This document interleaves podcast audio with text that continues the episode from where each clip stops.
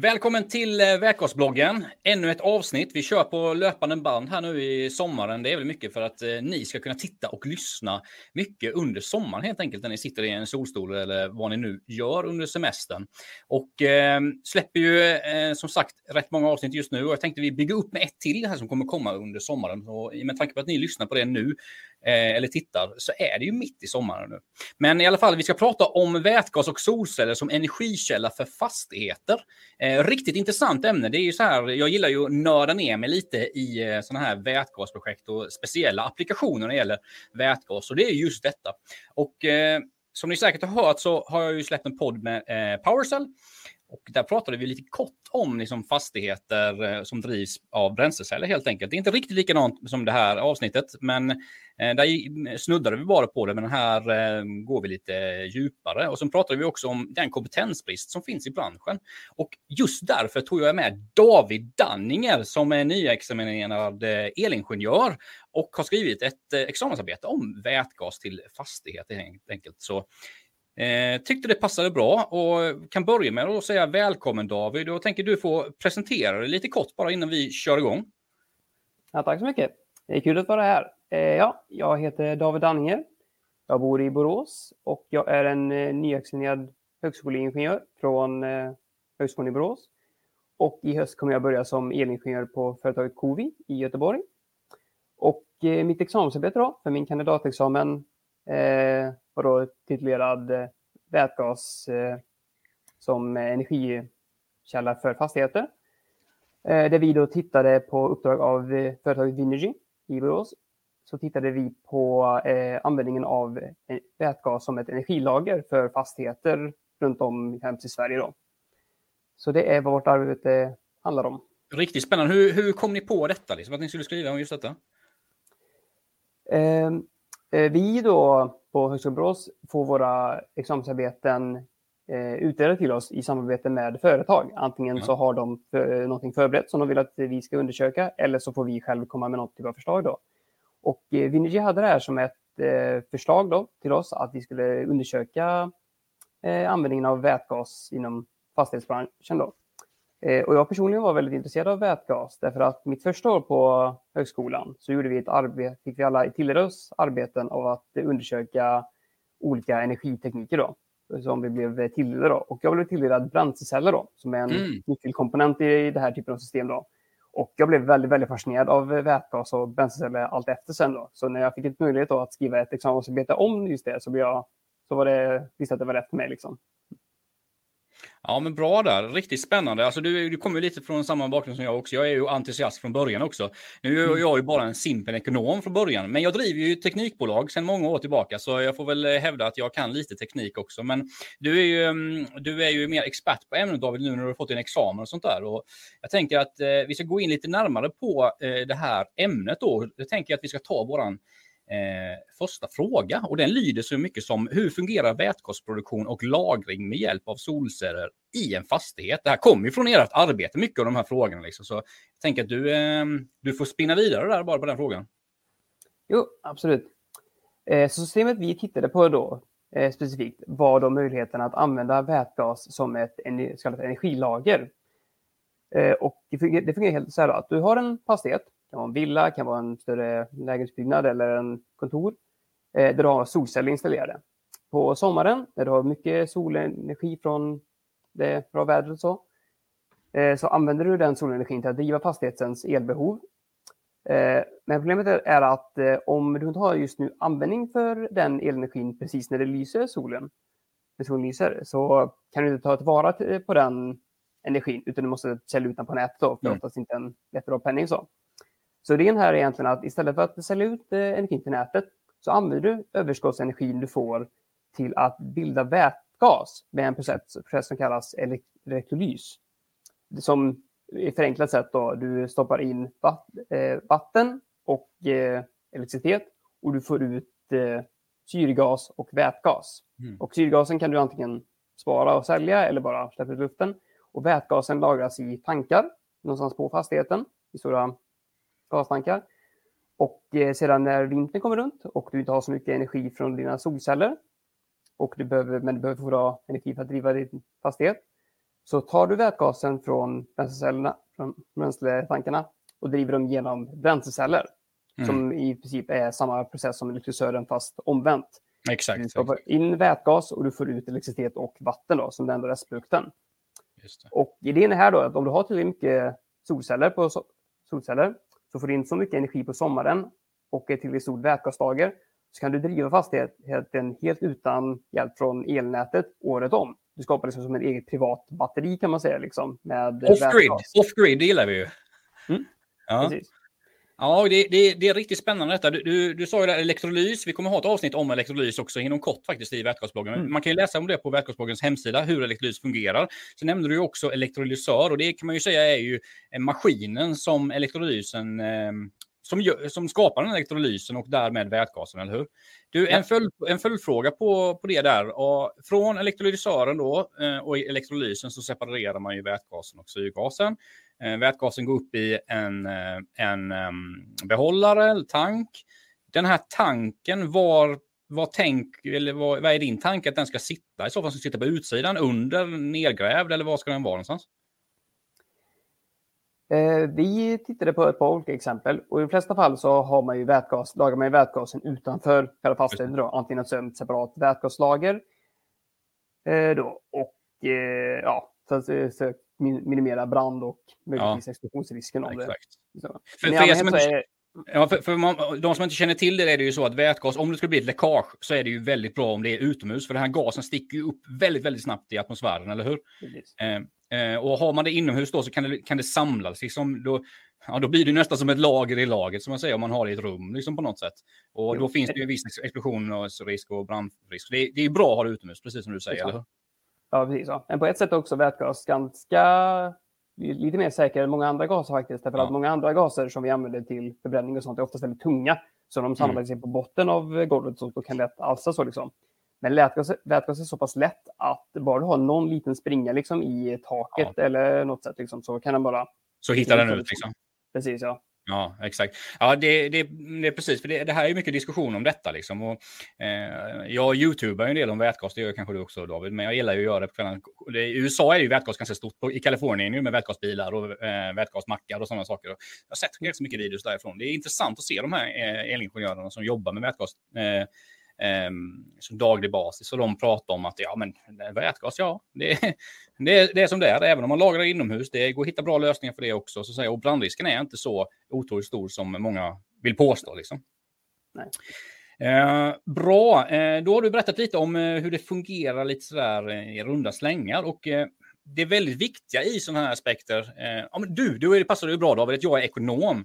För mm. det är ju så att de ekonomiska aspekterna är ju riktigt viktiga om man ska kunna göra investeringar. För att det är ju som, det är ju som med solceller idag till exempel. De har ju kommit ner på ett pris just nu så det går ganska snabbt att räkna hem det. Kanske 6, 7, 8 år och sånt där om man installerar solceller. Och det är ju likadant såklart med vätgas i framtiden. Så hur ser de hur ser eh, möjligheten ut för att använda tekniken utifrån ekonomiska förutsättningar? Har vi skrivit en fråga som är. Så hur tänker du där David? Jo, precis ja. Eh, det var en av våra frågeställningar och eh, den var lite svår att eh, svara på därför att som privatperson, även som student, var det inte jättelätt att hitta så jättebra prisbilder på vad all den här mm. tekniken krävs. Liksom. Det är väldigt mycket teknik som krävs. Det behövs mm. övervakningssystem och gastankar och allt möjligt sånt. Liksom. Men den ungefärliga prisbilden vi kom fram till då var att det liksom snackar om ett par miljoner i alla fall. Liksom. Så det är väldigt dyrt från en liksom, individuell privatpersons mm perspektiv på det här sättet. Då. Eh, och eh, även med en helt eh, eh off-grid eh, byggnad så då, kan ändå liksom, ekonom ekonomiskt sett ta det väldigt lång tid för eh, investeringen betalat av sig. Liksom. Så vi snackar antagligen så här tiotals år möjligtvis. Liksom. Ja, exakt. Men du, om jag får fråga då, bara för att avbryta dig, förlåt, men eh, med den, den, här installationen som ni har eh, tänkt då, så att säga, säg på ett flerbostadshus, ett större hus där tankarna sitter utomhus, hur många kilo skulle det här kunna eh, lagra i så fall, det här lagringssystemet? Det beror på vad du, hur mycket ja, överblivenhet du vill ha liksom. Ja. För, det, är ju så, det, är så, det är såklart så att jag menar, ju mer man kan lagra och ju mer man kan använda då när priserna är höga, eller om man är helt off-grid, eh, men, men säg att elpriserna är väldigt höga, så kan man använda det, reserven. Det är klart att då går det ju en snabbare återbetalningstid såklart. Liksom. Ja, absolut. Ja. Jo, nej, men det är ganska betydande lager man får ha i alla fall. Liksom. Du får ändå räkna liksom, med en mindre byggnad i alla fall, liksom, ja. full med sådana tankar kanske. Liksom. Det är ja. inte liksom helt eh, orimligt att ha något, liksom, det, något i stil med liksom en friggebod eller en liten attefallare kanske, med, ja. eh, som inte är helt proppfull med vätgasflask såklart, men liksom, som behöver förvaring. Så, så att det inte är helt orimligt i alla fall. Exakt. För det, för det är ju då, för de som inte känner till det, så är det ju så att vätgasen kräver ju en del plats liksom, för att lagra. Eh, och nu är, nu är det även så att man komprimerar ju vätgas otroligt mycket. Jag tror i bilar kanske det är 700 bar eller något sånt där. Och mm. Vissa andra applikationer kanske 300 bar eller 200 eller, eller det kan vara. Men man komprimerar i alla fall väldigt, väldigt mycket. Ehm, så du kan ju få in ganska mycket på en liten yta, men det krävs ändå ganska stor fysisk yta för att um, kunna driva till exempel en fastighet eller, eller en båt eller något liknande sådana saker, eller hur? Ja, precis. Ja. Det, är, det är ett av problemen med vätgas som är bränsle jämfört med till exempel metan eller så.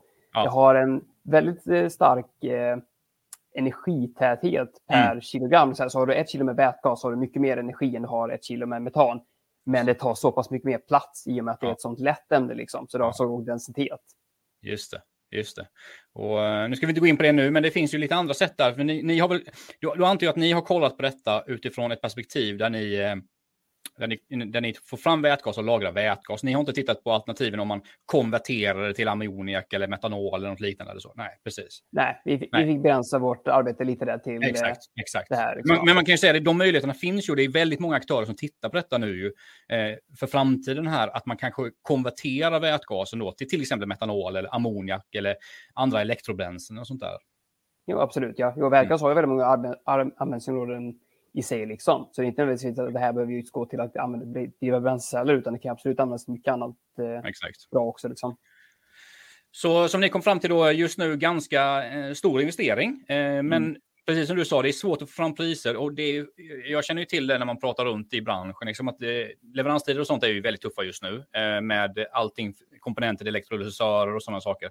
Så det är en stor bristvara. Och det innebär ju då, ur ett ekonomiskt perspektiv, innebär ju det, det liksom ja, men supply and demand. Liksom. Är, det, är, det, är det dåligt med tillgång så kommer det bli höga priser. Liksom. Och finns det stor mm. tillgång så kommer det bli låga priser. Så detta handlar ju, det är ju som vilken industrialisering som helst, liksom, av produkt eller bransch. Och det var ju likadant med batterierna i början, liksom. bilbatterierna, alltså elbilar. Ja, så det här är ju en process. Ja, vi kan, vi kan inte förvänta oss att liksom, eh, grön energiteknik eh, blir så pass vidspridd om det inte är ekonomiskt gångbart också. Liksom. Exakt. Och det är det vi, vi ingenjörer måste se till att liksom beväpna så mycket vi kan och liksom att driva de här tekniken framåt liksom och ja. göra tekniken billigare och bättre. Ja, kan jag passa på att göra lite reklam för en artikel på Vätgasbloggen, en nyhet. Det är nämligen så uppe i Umeå, på Umeå eh, universitet, så har man faktiskt en forskare, ett forskarteam rättare sagt, eh, kommit på en, en metod för att gå, eh, gå ifrån platinum till exempel i, i processen i elektrolysörerna.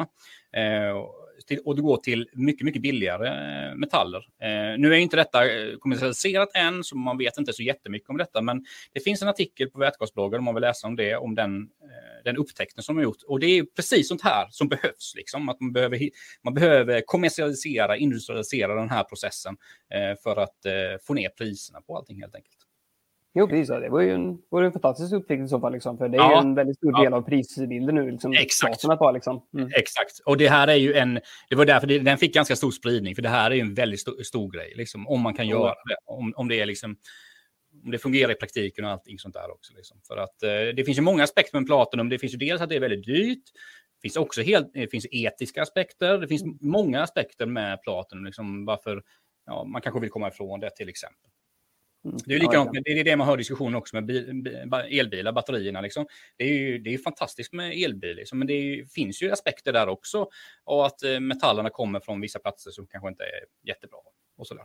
Mm. Um, nu har vi gått igenom de ekonomiska förutsättningarna lite kort där, eh, David. Uh, tänkte vi ska köra vidare. Uh, ja. Det är ju så att jag gillar ju att vara väldigt konkret i den här podden och, och videon, så jag gillar ju att ta upp exempel. Och jag tänker att när ni tittade på, på när ni gjorde ett examensarbete, liksom, vad, jag antar att ni har tittat på en del liksom, konkreta exempel också då. Jag tänkte att du kunde få lyfta dem. Om, om det är så att den som lyssnar eller tittar på detta vill liksom, googla loss efter, efter man har lyssnat eller tittat, så att säga. Ja, precis. Ja. Jo, då, vi tittade på ett flertal exempel och jag tog de som jag tror är mest intressanta för folk att läsa vidare på. Eh, det första är Hans-Olof Nilssons vätgasdrivna hus i Agnesberg, för Göteborg. Då. Eh, vi pratade, bildade lite runt med Hans-Olof Nilsson under vårt examensarbete och han var jättehjälpsam och svarade på många av våra frågor. Så. Han bor då i ett helt vätgasdrivet hus som är helt off-grid. Det har inte uppkopplat till elnätet liksom. Och han kan driva runt det året om då, utan problem egentligen. Och det har han i stort sett byggt själv och han, liksom, han är verkligen en eh, ledande eh, figur i det här fältet. Liksom. Så att eh, om man är intresserad av vätgas kan man absolut kolla in Hans-Olof Nilsson då, och hans Exakt. företag då, Nilsson ja. Energy. Exakt. Ja, sen kollar vi också på ett projekt som heter Zero Sun som drivs av Skellefteå. Zero, vad sa du? Zero? Zero Sun. Mm, så Zero Sun. Ja, just ja, precis. Mm. Ja, det drivs av Skellefteå Kraft uppe i Skellefteå. Och det är helt enkelt vanligt kataloghus som de säger, som de har byggt uppe i Skellefteå då, som drivs av exakt samma princip här liksom. Det är vätgasdrivet eh, året om och eh, jag förstår det som att man kan hyra det här huset då, eller eh, som ett hotell då, liksom, och bo i det under en viss tid. Eh, och de eh, drev igång det här projektet då för att visa liksom, att eh, vätgasdrivna eh, hus sånt har till och med möjlighet att fungera ganska bra även uppe i norr då, där vi inte ens har så mm. mycket solsken på sommaren liksom, som i söder. Mm. Så det är väldigt intressant. Och eh, sist då, kanske mest intressant, är Kronoparkens förskola i, som ligger i mm. Mariestad, som öppnade i januari förra året. Och det är då en förskola helt driven på vätgas med ett eget lager och så då. Och eh, det är antagligen sin första i sitt slag då. Och eh, antagligen första i den eh, storleken då. Så att mm. eh, det är väldigt intressant då. Den kunde vi inte hitta jättemycket information om tyvärr då, men det verkar väldigt intressant. Ja, verkligen. Jag har hört talas om det också. Jag, precis som du så har inte jag hittat jättemycket information om mer konkret om projektet. Men eh, mm. det är ju riktigt bra. För, för det är ju så att sådana här konkreta exempel är väldigt bra i den processen som vätgasen befinner sig i just nu. Liksom för att allmänheten behöver lära känna vätgas, eh, ja, riksdag, myndigheter och sånt här. För att det är ju så att det krävs mycket ja, ska man säga, regleringar i framtiden, lagstiftning, policies, Eh, ja, den här vätgasstrategin och så vidare. Och så vidare. Och då är det väldigt bra att lyfta fram de här sakerna som ja, där man använder vätgas i praktiken. Liksom. Mm, du, um, kollade ni på något mer eller var det de ni kikade på ungefär? Eh, vi kollade också på ett eh, hypotetiskt projekt då, drivet av eh, RISE. Det kallades ja. E2 och B2 då. Men det var helt och hållet eh, teoretiskt eh, då på Så det var användbara beräkningar och sånt för oss, men det är kanske inte så jätteintressant för en eh, ja, någon som inte är väldigt insatt i ämnet att läsa. Då. Sen fanns det, också, det finns också lite andra vätgasanläggningar eh, och sånt liksom, som gör det till skapa vätgas till bränsle och sånt. Liksom. Men eh, det faller inte riktigt inom eh, ramen för vårt projekt. Då, så vi tittar inte jättenoga på det. Mm. Just det. Och, eh, och eh, de som ni kollade, ska vi se här, du snackade om där i Mariestad och sen, eh, just det. Och det är lite olika då, men mycket av detta har med solceller att göra då, eller hur? Ja, ja alla de här projekten. Alla de här är, ja, främst, ja. Exakt. Liksom. Jag blev, det göra... Ja. ja, jag blev lite osäker på Mariestad där, om det var, om det var en vindkraftverk eller något sånt där, men det var solceller också, eller? Ja, de har ja. 800 kvadratmeter solceller på taket på det. Det är ett stort platt tak liksom. Så. Ja, det är riktigt coolt alltså. Alltså mm. det här är ju riktigt fantastiskt för att man kan ju göra det här, man kan ju, den här elektrolysen kan ju göras både med solkraft eller vattenkraft eller vindkraft ja. eller, eller kärnkraft också för den delen som Vattenfall håller på med nu också. Så, ja, det är alltså. det, ja, det är riktigt spännande och man brukar, kalla, man brukar ju kalla det som sker väldigt mycket i Sverige just nu brukar man ju kalla då grön vätgas. Och det, det innebär ju att, då att det kommer från förnybar energi, så kallas det grön vätgas. Den stora delen av vätgasen idag som används i industrin är ju något som kallas grå vätgas som kommer från, eh, framställs genom naturgas och i vissa fall kol. Då, så att säga. Så grön vätgas är ju det som är tanken i Sverige. Även rosa vätgas ska jag säga, för det är ju från kärnkraft. Då. Eh, är ju också, med länder som har liksom kärnkraft så kan ju det absolut vara ett spår också. absolut. Snyggt. Eh, du, då kommer vi till den eh, sista, sist men inte minst. Och då är det ju faktiskt eh, vilka slutsatser liksom, eh, du har kommit fram till när det gäller detta. Hur, eh, hur tänker du? Eh, ja, för vårt projekt då så vi gjorde lite blandning eh, då, att vi gjorde både en liten litteraturstudie då och eh, genom att kolla på projekten vi tittade på och eh, läsa hur mycket vi kunde om det. Men vi gjorde också lite egna beräkningar och så. Så vi tog två stycken exempel då på en, eh, eh, två stycken olika villor som ja, vi använde i riktvärden för då. där en villa bara använde hushållsel och mm. hade separat värme och ett som använde värme och hushållsel båda från elproduktion. Då. Så vi en värmepump liksom eller? Ja, ja precis. Liksom. Ja. Mm. Ett, helt, helt enkelt ett hus med ett energibehov på 5 000 kWh per år och ett hus med 20 000 kWh på ja, som energibehov. Då. Ja. Och kollade på om det var rimligt att göra, skapa sådana här vätgassystem för att driva de här husen helt enkelt. Mm. Och vi fann då att eh, huset med 5 000 kWh per år, då, så väldigt energisnålt och kanske separat värmekälla för huset. Eh, det gick helt okej okay med att driva med vätgas från de eh, rikterna vi hittade. Då, liksom. En ett normalstor eh, solcellsinstallation, ett inte helt orimligt stort vätgaslager och du hade ganska god marginal på liksom att eh, du kunde driva det huset hela året om. Då. Mm. Medan huset med det större energibehovet på 20 000 kilowattimmar var väldigt orimligt att köra. Liksom, du hade behövt en otroligt stor eh, solcellsanläggning för att driva det och mm. eh, ja, så det hade antagligen inte fungerat då i vår beräkning. Då. Ja, just det, för det krävs ju ganska mycket eh, energi, eller hur, för att producera vätgasen, eller hur? Det är ju det det handlar om. Precis, ja. Det behöver ja. liksom ett eh, ganska stort överskott av solcellsenergi på ja. sommaren då, liksom, för att kunna eh, driva processen som skapar vätgasen. Då, liksom. Så du behöver liksom ha ganska mycket då. Mm, riktigt intressant. Eh, det är ju så att det här är ju en sammanfattning. Eh, givetvis är det ju så att vi, vi ska ju även eh, länka liksom till, eh, till den här ja, till ert examensarbete såklart i den här artikeln som vi slänger ut på Vätgasbloggen givetvis. Eh, så man kan grotta ner sig mer. Eh, har ni några mer slutsatser kring detta, David? Eh, inte så jättemycket som man kan säga helt och hållet konkret säga liksom med ett eh, hårt fakta att okej, okay, det är så här det kommer bli liksom, mm. och det här, så här blir nu liksom. Mm. Men min egna uppfattning av eh, tekniker och sånt egentligen att det finns antagligen en del utrymme för att eh, expandera, expandera på den. Mm. Och Eh, i och med att det är så många tekniker som också går samman med det här, liksom, solceller, batterier, ja. eh, vätgaslagring och allt sånt och elektrolysörer och bränsleceller. Så om de här tekniken in, eh, förbättras individuellt som bättre mm. solceller och kanske mm. mer, mer ekonomiska bränsleceller som du ser det mm. med eh, utan platen och sånt, liksom, mm. då kan det mycket väl vara att de här typen av projekten blir mer och mer ekonomiskt gångbara med tiden, allt som tiden går. Då, liksom. Eh, men jag skulle tro att om, om vi ser mer sådana här projekt eh, i framtiden, tror jag nästan att det kommer att vara på lite större bostadsprojekt i så fall. Liksom. Som ja. skolor eller små bostadsområden. Eller ja, jag håller helt med dig. Håller helt med dig. Mm. Precis, ja. Så mm. liksom, tekniken kan liksom, säga, kostnaden för tekniken sprids ut lite över ett större område. Ja. Så, liksom.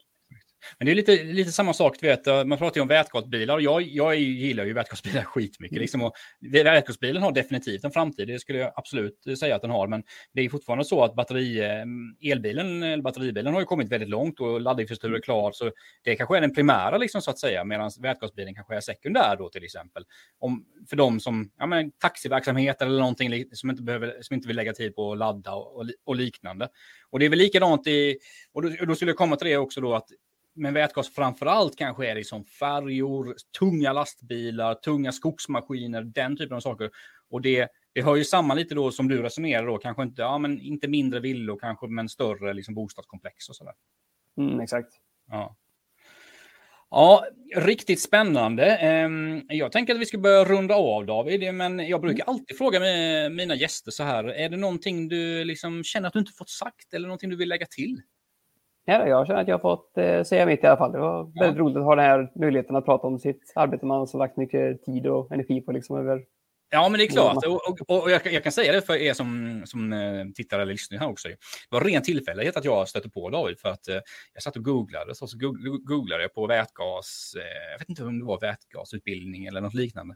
Eh, och så ploppade det upp bara det examensarbete. Jag bara oj! Och så hade jag precis haft en, eh, en intervju här i vätgasbloggen och där vi hade pratat liksom om kompetensbrist och sånt. Ja, men då tänkte jag att ja, det här är klockrent. Vi, vi tar med en nyexad eh, vätgasexpert. Liksom. Så eh, klockrent. Eh, du David, eh, lycka till på din, eh, din, för din framtid, jag menar din nya anställning. Och eh, vem vet, du kanske får lite påbråar från folk som har lyssnat på detta i framtiden. Det är många vätgas, mycket vätgasfolk som lyssnar på detta. Men eh, i vilket fall som helst vill jag tacka jättemycket för att du ställde upp. Och eh, ja, lycka till helt enkelt. Ja, tack själv. Det var väldigt roligt här. Strålande. Som sagt, eh, vi lägger upp eh, en länk till eh, Davids examensarbete i, eh, i artikeln på Vätgasbloggen. Eh, det här kan man lyssna på på Spotify, i Acast, på Apple Podcast. Man kan se det på YouTube och man kan se det på Vätgasbloggen såklart. Ha det så bra. Hej då David! Hej då!